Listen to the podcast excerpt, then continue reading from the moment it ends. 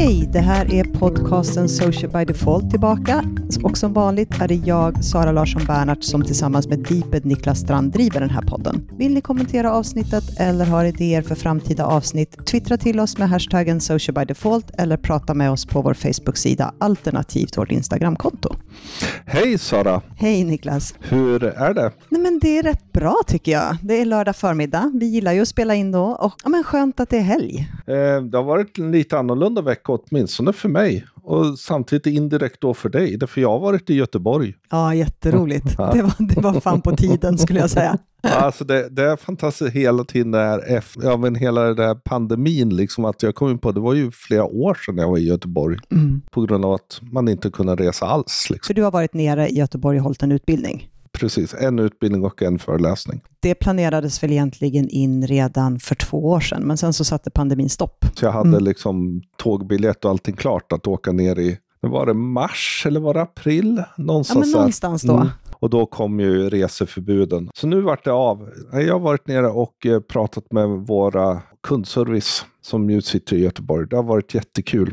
Det kan jag tänka workshops med de som då verkligen sitter i det och sen har jag också haft lite föreläsning för ledningsgrupp. Och det är ju ganska kul med, med just kundservice, för jag menar, det här har vi diskuterat förut, men de är ju så otroligt viktiga som ambassadörer och eh, möter kunder under, liksom, på digitalt varje dag egentligen. Mm. Att kunna ge dem en ordentlig utbildning är ju otroligt viktigt. Där handlar det ju väldigt mycket om att, eh, så att säga, lyfta de som jobbar med det så att de ser att de är väldigt viktiga i mycket mer än att bara svara på en fråga, utan det är väldigt mycket brandbuilding och sådana delar. Just att lyfta för de siffror som finns, hur viktigt det är, där hälften säger att är det en dålig kundservice så avföljer man och vill inte ha med varumärket igen att göra. 71 procent tycker att det är oerhört viktigt, deras trygghet i att välja ett varumärke ligger väldigt mycket i kontakten med kundservice och den känslan. Det är så otroligt viktigt att få så att de som jobbar att förstå att de är viktiga, men också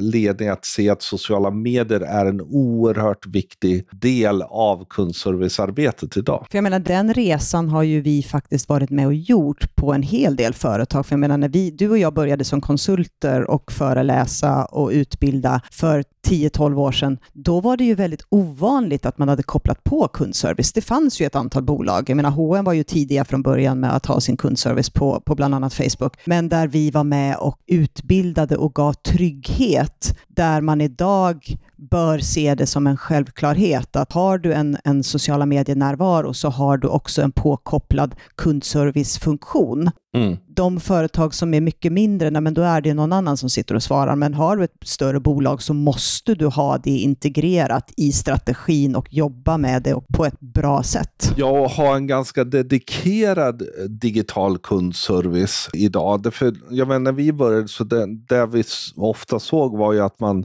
i princip fick sva- fick svaret ja, nej, men det här är en, en fråga som du behöver ringa vår kundservice om. Att man Mm. hade någon sorts personer som var egentligen som en bot som bara liksom gav ett telefonnummer hela tiden. Idag så, så hör man ju en dedikerad som kan sociala medier, som förstår situationen runt både DM men också i kommentarer och även kan företaget och produkterna. Därför man förväntar sig svar där. Och här är det ju otroligt viktigt att man på marketing, på koms och på kundservice jobbar, och PR självklart, jobbar väldigt, väldigt tajt ihop. Så att de hela tiden vet om vad är det de andra delarna på bolaget gör i kanalerna. Vad finns det för Q&As? Vad ska vi förbereda? Så att de hela tiden har svar på de frågor som kommer in. För jag menar, beroende på vad du gör på ditt jobb och vad marketing gör på ditt jobb, samt likadant på mitt jobb, blir ju en annorlunda typ av frågor som dyker upp i kanalerna. Och en av de viktiga sakerna som faktiskt vi diskutera nu var just de siffror vi fick som vi gick igenom förra gången i Svenskan och internet. Där vi ser en sån fragmentarisering ändå av kanalerna. Mm. Där så att säga, de yngsta inte är på Facebook de facto, eller in, inte har den aktiviteten på Facebook. Och, och, där man behöver utöka sin närvaro, att man faktiskt kommer behöva svara på frågor på Instagram mm. om tjänster och produkter och titta på ytterligare funktioner. Därför samtidigt då de yngsta, de ringer inte heller. Att försöka få liksom en millennial att ringa till en kundtjänst är ju liksom ungefär som att be dem gå ner i krokodilhål liksom, ja. och slåss. För det är ju livsfarligt och jätteotäckt att uh, ringa. Ringa någon ja. Nej, nej, men det gör man inte. Man ringer ju knappt sina vänner. Nej, nej, men det gör man inte, för de snappar man med. Självklart kommer också ytterligare kanaler komma till där, där vi, vi i väst är, eller framförallt i Sverige, är oerhört dåliga egentligen på att göra kundtjänst i WhatsApp. Men det är ju för att det krävs ett helt annat API-system och det krävs att du har någon form av social media management-system som integreras Exakt. i WhatsApp API för att kunna göra en fullödig kundservice. Det har varit en väldigt bra dagar och de är helt fantastiska. Jag bara älskar hela gänget där nere, därför de är så duktiga. Och jag är så stolt att få jobba på ett företag med, med så otroligt duktig support. Jätte, jätteroligt. Det här för ju ändå oss in på dagens ämne. Någonting som du och jag har stött och blött och pratat om ganska mycket på senare tid är ju vad är det som egentligen händer med den organiska närvaron på Facebook? Och det här blir ju väldigt tajt ihop med kundservice. Jag menar, när vi pratar kundservice och vi pratar sociala medier så är ju Facebook fortfarande den kanal som är den största kanalen in mot kundservice. Det vi har sett ske och som jag någonstans tycker är lite orosväckande är ju att fler och fler riktigt stora varumärken börjar ju helt gå ifrån organisk närvaro på, på Facebook. Mm. Det, för det man ser är ju att även bland de yngre så är de också lite vana vid att ja, men man måste gå och leta upp kundservice. Då går man till Facebook. Därför det känns lite som där borde det finnas en kundservice. Mm. Så det är ju någonting som jag tror en del företag kanske har glömt bort då. Att de, de utgår från att eftersom de har ganska unga målgrupper så utgår de från att alla kommer vara på Instagram. Men, men det är inte alltid säkert. Men det vi har sett är ju egentligen en, tre olika vägval. Ett, att man fortsätter med organiskt. Mm. Två, att man så att säga, går över till ett mer regionalt, där man då har ett regionsystem, där de gör någonting, men själva huvudsidan gör ingenting. Och ett, där faktiskt man eh, i princip har slutat helt organiska uppdateringar på Facebook. Det här har faktiskt skett under den, den senaste tiden, för jag menar om man backar tillbaka fyra, fyra och ett halvt år, eller fyra år blir det ju när jag började på SKF och vi skulle göra en uppstrukturering av vår kanalnärvaro. Då, och när du var med i det strategiarbetet, då gjorde vi ju en ganska gedigen genomlysning av, okej, okay, hur har företag och varumärken strukturerat sin sociala medienärvaro? Mm nu har jag, i och med att jag har bytt jobb, gjort en liknande, liksom, hur, hur är vi strukturerade och hur är andra bolag strukturerade? Och jag tycker att bara på de här fyra åren så har man sett en, en förändring där fler och fler och nu handlar inte det om någon majoritet, men fler och fler faktiskt går över till att jobba väldigt oregelbundet eller inte alls med sin organiska Facebook-närvaro mm. och jobba mycket, mycket mer med paid targeting och dark ads och ha mm. någon slags always on-tänk där istället. Nu har vi ju inte supergrävt ner det i någon sorts statistisk säkerställd, men indikationerna är väl att mode, alltså rent mode, mode, mm. mode, Eh, fortsätter. Som H&M gör jättemycket, till och med mer än Sverige och sådana. Patagonia som, ändå är någon sorts också lite dyrare gör saker därför de har en fanbase. Medan vi tittade på Nike och Adidas. Nike är väldigt oklart om de gör någonting organiskt medan Adidas gjorde väl en del på regional nivå men väldigt lite. Mm. Och sen Pepsi gör allting på regionala, är ganska inriktad på aktivering. Alltså mm. helt enkelt att visa nu har vi en ny Pepsi-burk. Så det, det är väl säkert en viss skillnad utifrån hur dyrt är det? Är det FMCG? Är det sådana saker? Så det skulle man ju gärna egentligen gräva vidare och titta hur det ser ut i någon sorts större del. Jag har tittat på Best Buy och Walmart och de är ju aktiva. Med så billighets, trycka ut och kränga varumärken. Ja, man har deals och man, man har... Sen Walmart har en ganska intressant Facebook-sida med, med väldigt mycket att förmänskliga. Alltså Walmart är ju liksom den största varuhuskedjan i världen. Mm. Och de lyfter fram sina anställda också, även på Facebook. Så det är väldigt fragmentariserat, det måste man ju se. Det finns ingen eh, klar eh, del. Jag, jag måste erkänna att eh, jag blir lite ledsen när jag ser det. För, för mig, även om vi vet att organisk närvaro och framförallt räckvidd och impressions har gått ner de senaste åren och det är svårt att få genomslag på sitt organiska innehåll, så är det lite grann med sorg, för jag tycker ju att mycket av det som sociala medier handlar om. Och nu behöver vi också tänka på att nu, tänker vi, nu pratar vi bara Facebook, för det är annorlunda i de andra kanalerna, handlar ju om den här relationen emellan varumärket och konsumenten eller mellan varumärket och individen. Och genom att sluta med det organiska så bryter man den relationen på ett visst mm. sätt. Och då tycker jag att då börjar man ju använda de här kanalerna som vilket annat medie som helst och förstör dem till viss del. För jag menar, företag och varumärken som har råd och har mycket pengar och kan pumpa ut ads, det är ju liksom en sak, men att bygga upp en community och gå in på en sida och se att ja, men här är det kanske 34 miljoner som har valt att följa en sida, så självklart är ju det liksom uppdelat i, i länder. Men att inte göra någonting mm. med dem eller åt dem, det är för mig en sorg. Jag tror att det finns någon sorts, vet inte, väldigt basal eh, förklaring i det här.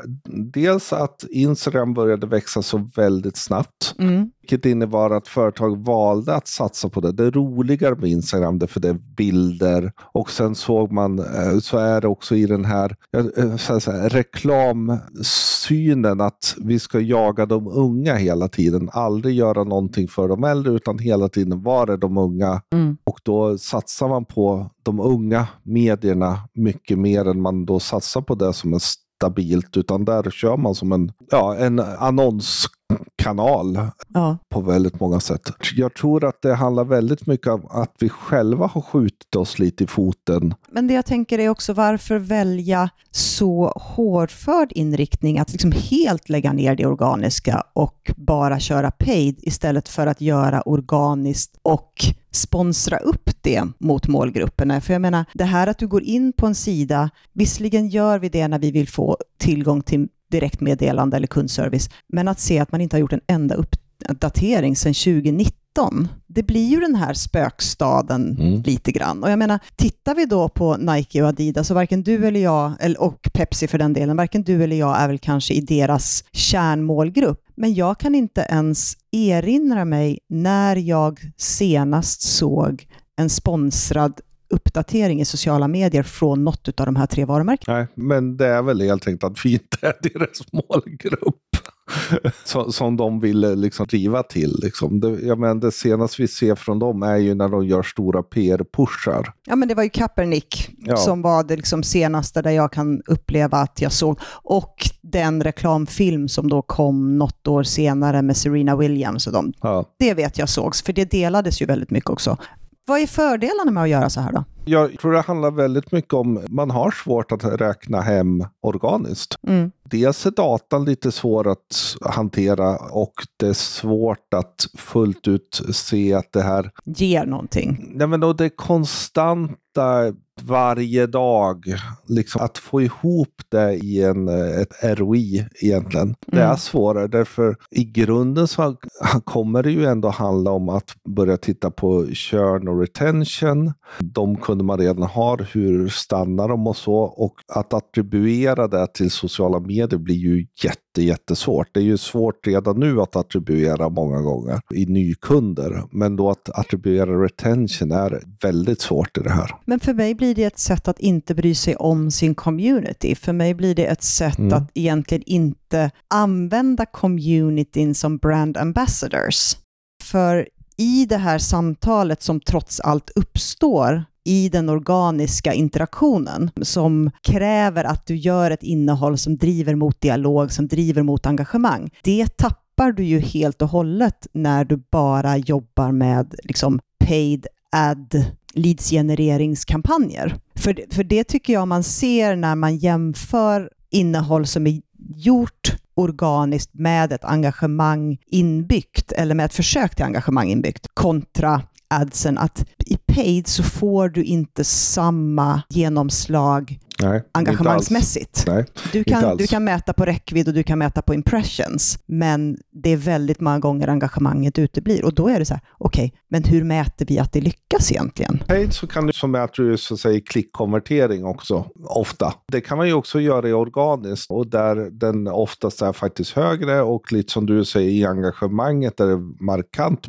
alltid mycket högre organiskt. Mm. Eftersom det är ju faktiskt en, en varm målgrupp man når, In, inte alla. Men där tror jag också vi kan gå bakåt till att jag gissar att det här ligger lite i synen från till exempel Byron Sharp, How Brands Grow, där, mm. där det faktiskt finns en syn att trycka ner så mycket nya, nya personer som möjligt i funneln och inte arbeta jättemycket i retention och churn. Utan helt enkelt in med nya, och, för det är där man får den bästa ROIn. Vilket samtidigt Binén Fields egentligen motsäger. För där är ju ett organiskt tänkande, det här varje dag-arbetet faktiskt viktigt på lång sikt för att öka upp det. Kan man då göra det köpt också? Det är inget som säger att organiskt rakt av är Binén Fields, men Ja, och sen så, visst, jag vet inte riktigt, kommer inte fullt ut ihåg vilken undersökning det var, men det var ett, ett stort undersökningsbolag som hade visat att det finns egentligen ingen direkt korrelering mellan engagemang och köp.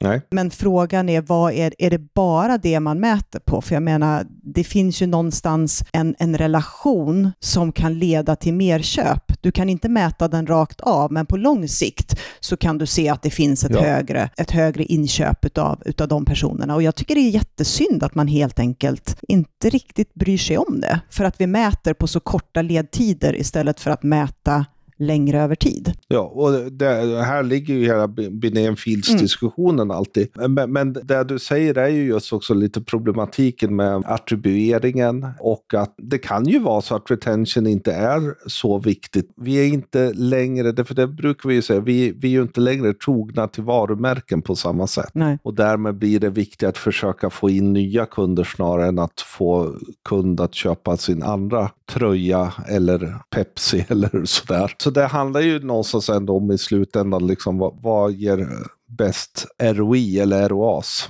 Sen tror jag också att man behöver titta på lite grann vilka är det som driver väldigt mycket och där är ju så att marketing sitter ju väldigt mycket närmare sales. De har oftast större budgetar, rätt eller fel, beroende på vilken, vilken skola man vill gå i och, och då blir det kanske naturligt att man hamnar i ett mer paid always on-tänk. Men om man börjar fundera på hur kommunikation och marketing, som du och jag pratat om innan, hur de ska samspela, så har vi ju lite olika roller. För jag menar visst, marketing är det väldigt mycket som driver affären, men Koms driver ju varumärket på väldigt många ställen. Koms driver PR, relation. Man kan inte vara utan båda. Marketing behöver ju också driva varumärke och driva på lång sikt. För annars så måste man ju blunda för Binén Fields, the long and short of it. Så jag menar, i det här fallet så bör man ju fundera i hur man de facto mäter brand brandlift och liknande. Mm. Och, och jobba med det. Och som du är inne på, är det någonting vi faktiskt kan göra organiskt och sen sponsra det. För Precis. det är ju egentligen ingen större skillnad på att köpa ett sponsrat inlägg eller att köpa en dark ad. Det, det är ju sam, alltså, du gör ju på samma sätt. Ja. Däremot så kan de vara så att säga, byggda på olika sätt. Ja, men precis. Där vet vi ju att mycket av dark ads, åtminstone vi behöver ha en länk, vi behöver driva trafik någonstans. Mm. Vissa kanaler kan du inte ens skriva lika långt, vilket du kan eh, om du sponsrar upp, för då har du liksom den organiska mm. grundstrukturen och du kanske inte behöver driva trafik någonstans. Jag menar, gör du en ren awareness-kampanj så handlar det ju om att få synlighet och i vissa fall engagemang eftersom engagemanget driver ännu mer synlighet. Varför ska det då krävas av dig att du ska addera en länk för att driva trafik någonstans? Mm. Men, men och det här är ju fighten mellan egentligen Brandons sales vi mm. är hela tiden i. Och där vi är också i fighten mellan att vara datadriven och datainspirerad, skulle jag mm. säga, som vi har pratat mycket om. Älskar datainspirerad. Och sen självklart att vi har otroligt mycket siffror, men det är väldigt svårt att få dem att rocka ihop. Det sitter ju jag konstant med och ja, men bara att, så att säga, få ihop siffror för att jämföra kanalerna mm. kräver att jag plockar ner tre olika Excel-delar och så att säga, gör min egen uträkning. Och, och det här handlar ju också, tycker jag, om att vi väldigt ofta jämför siffror med siffror. Jag menar, vad är det som säger att ett, ett företag är duktig på sin sociala medienärvaro? Är det liksom räckviddssiffror, impressionsiffror och hur försäljningen går? För jag menar, när man researchar och hur du än googlar åt höger eller vänster och börjar för, liksom titta på vad är det som gör ett bra varumärke i sociala medier, så är det ett antal parametrar och engagemang, närvaro, dialog, kunden i centrum, allt sånt sätts mm. alltid upp som de högsta parametrarna. Det är ju det jag menar lite. Det, det är ju någonstans problemet är att det är så svårt att jämföra det för de använder mm. olika mått. Det för siffrorna är ändå tangibles att faktiskt visa att ja, men så här mycket engagemang har vi totalt. På LinkedIn har vi så, på, här har vi så här mycket reach och reach betyder det här. Problemet är att reach betyder lite olika på de olika platserna. De räknar på lite olika sätt. Engagemang räknas på olika sätt, vilket gör att det inte blir jämförbart och därmed blir det snarare så där att man hamnar i någon sorts minsta gemensamma nämnare och därmed blir sales ofta sådär, ja men det här funkar ju inte. Vad, vad tror vi händer framöver? Då? Alltså, tror vi att utvecklingen kommer bli ännu mer åt det här hållet eller tror vi att det kommer komma tillbaka till det mer, jag ska inte säga det organiska, utan det engagemangsdrivna som, kan, som är mycket, mycket svårare? Jag tror vi kommer fortsätta se en sån här nedgång just nu. Jag höll på att säga tills vi ser metaverse. Nej, men, äh, alltså att den vi har nu kommer nog tyvärr vara så länge att Facebook fortsätter på det sätt de gör nu.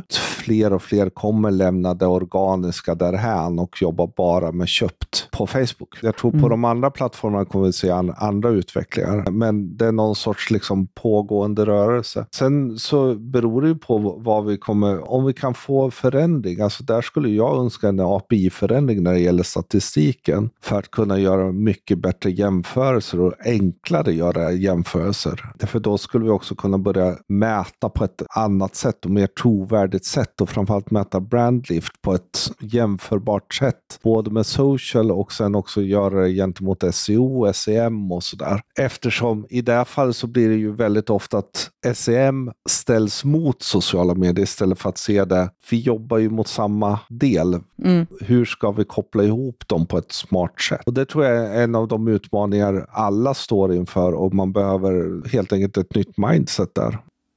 Hur tänker du om organiskt? Du som nu kommer från där har varit väldigt organiskt drivet ändå som business to business. För jag menar inom business to business är ju ofta organiskt fortfarande någonting viktigt. Alltså, jag... Till att komma till en mer consumer-driven organisation. Alltså jag älskar ju sociala medier och jag älskar det sociala i sociala medier, vilket innebär att jag tycker om det organiska. Jag tycker tycker att det finns en, en stor vikt vid att bibehålla det så gott det går. Sen är det självklart svårt och jag tror att det också är någonting som väldigt många slåss mot. Det är svårt att få organiskt engagemang för att det finns små pusselbitar eller små nycklar som du behöver bygga in i ditt innehåll för att faktiskt få folk att engagera sig och det är inte jättelätt. Jag tycker att det är synd att tappa bort den biten. Sen är det självklart så, precis som vi har pratat om, att vi måste ju betala betala för synligheten. Men jag ser ju mycket hellre ett organiskt sponsrat utifrån ett varumärkesbyggande, långsiktigt tänk och relation i kombination med mer konverteringsdrivet, kortare paid. Så jag vill väldigt gärna se balansen och jag kommer slåss för den balansen, mm. för jag tycker det är synd om vi förstör de här kanalerna som någonstans växte sig starkare utifrån ett relations och kommunikationsperspektiv. Mm. Sociala medier, där är det sociala först som vi brukar. Och, mm. och det, det, den är, är nog farligt om vi glömmer det, för då blir det bara en kanal bland alla andra. Samtidigt som det är en kanal bland alla andra också. Det måste vi, man, får man inte heller glömma eh, för att få, få ihop delarna. Jo, men jag tycker att man ska fråga sig när man sätter sin strategi. Vad är det för hål sociala medier kan fylla? Vad är det för delar i sociala medier som de andra traditionella medierna inte har, som vi faktiskt kan ta tillvara på. Och det är precis socialt. Det är den mm. nyckeln. För det kan de andra medierna inte göra. Nej. Då ska vi ju nyttja det istället för att göra samma sak som vi alltid har gjort överallt. Och, och där tror jag en, en intressant, för du var inne på det med Always On och, och, där, där jag har tittat ganska mycket, att, att börja fundera på hur kan man göra Always On men med organiskt innehåll? Att faktiskt fundera över den delen så att inte Always On blir liksom en liggande matta av ads.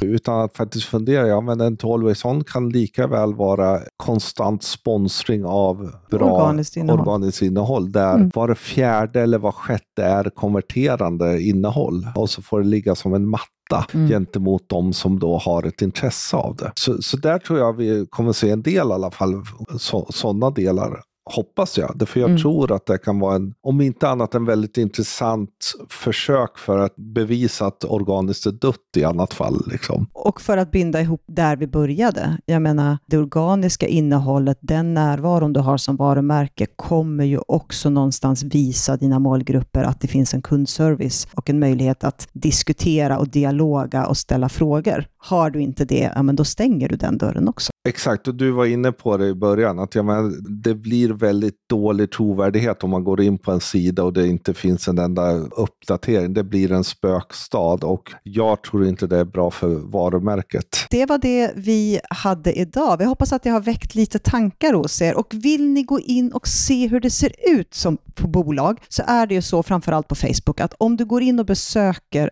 en varumärkessida och så kommer du då, eftersom du sitter i Sverige, se de svenska inläggen. Då går man upp under de tre små prickarna rätt högt upp under huvudbilden. Där kan man scrolla ner till någonting som heter Switch Region och då kan man byta till default-sidan som oftast är den globala. Uppdatera sidan och då kommer du se de engelska inläggen. Där kan du se hur de har, vad det är för perspektiv de har gjort på sin närvaro. Vi lägger in några länkar om vi till Benén Feeds till exempel på podcast.socialbydefault.se. Glöm inte att prenumerera på oss. Vi finns på Spotify, Apple Podcaster, Soundcloud, Acast Acast och Stitcher och det är bara att söka på Social by Default. Om ni gillar podden, ge den jättegärna betyg. Recensera den gärna. Framförallt, prata vidare om det här. Prata vidare med oss och prata vidare framförallt internt skulle jag vilja säga. Eh, men vill ni prata med oss så hashtaggen är Social by Default och vi finns på Twitter, vi finns på Instagram, vi finns på Facebook. Vi har en sida på Facebook och där finns vi som Social by Default. Vill ni prata med oss personligen eller följa oss på alla platser så heter jag Deeped överallt. Och jag heter Sanna CLB överallt. Tills nästa gång, ha det så bra och tack för oss. Hej då! Hej då!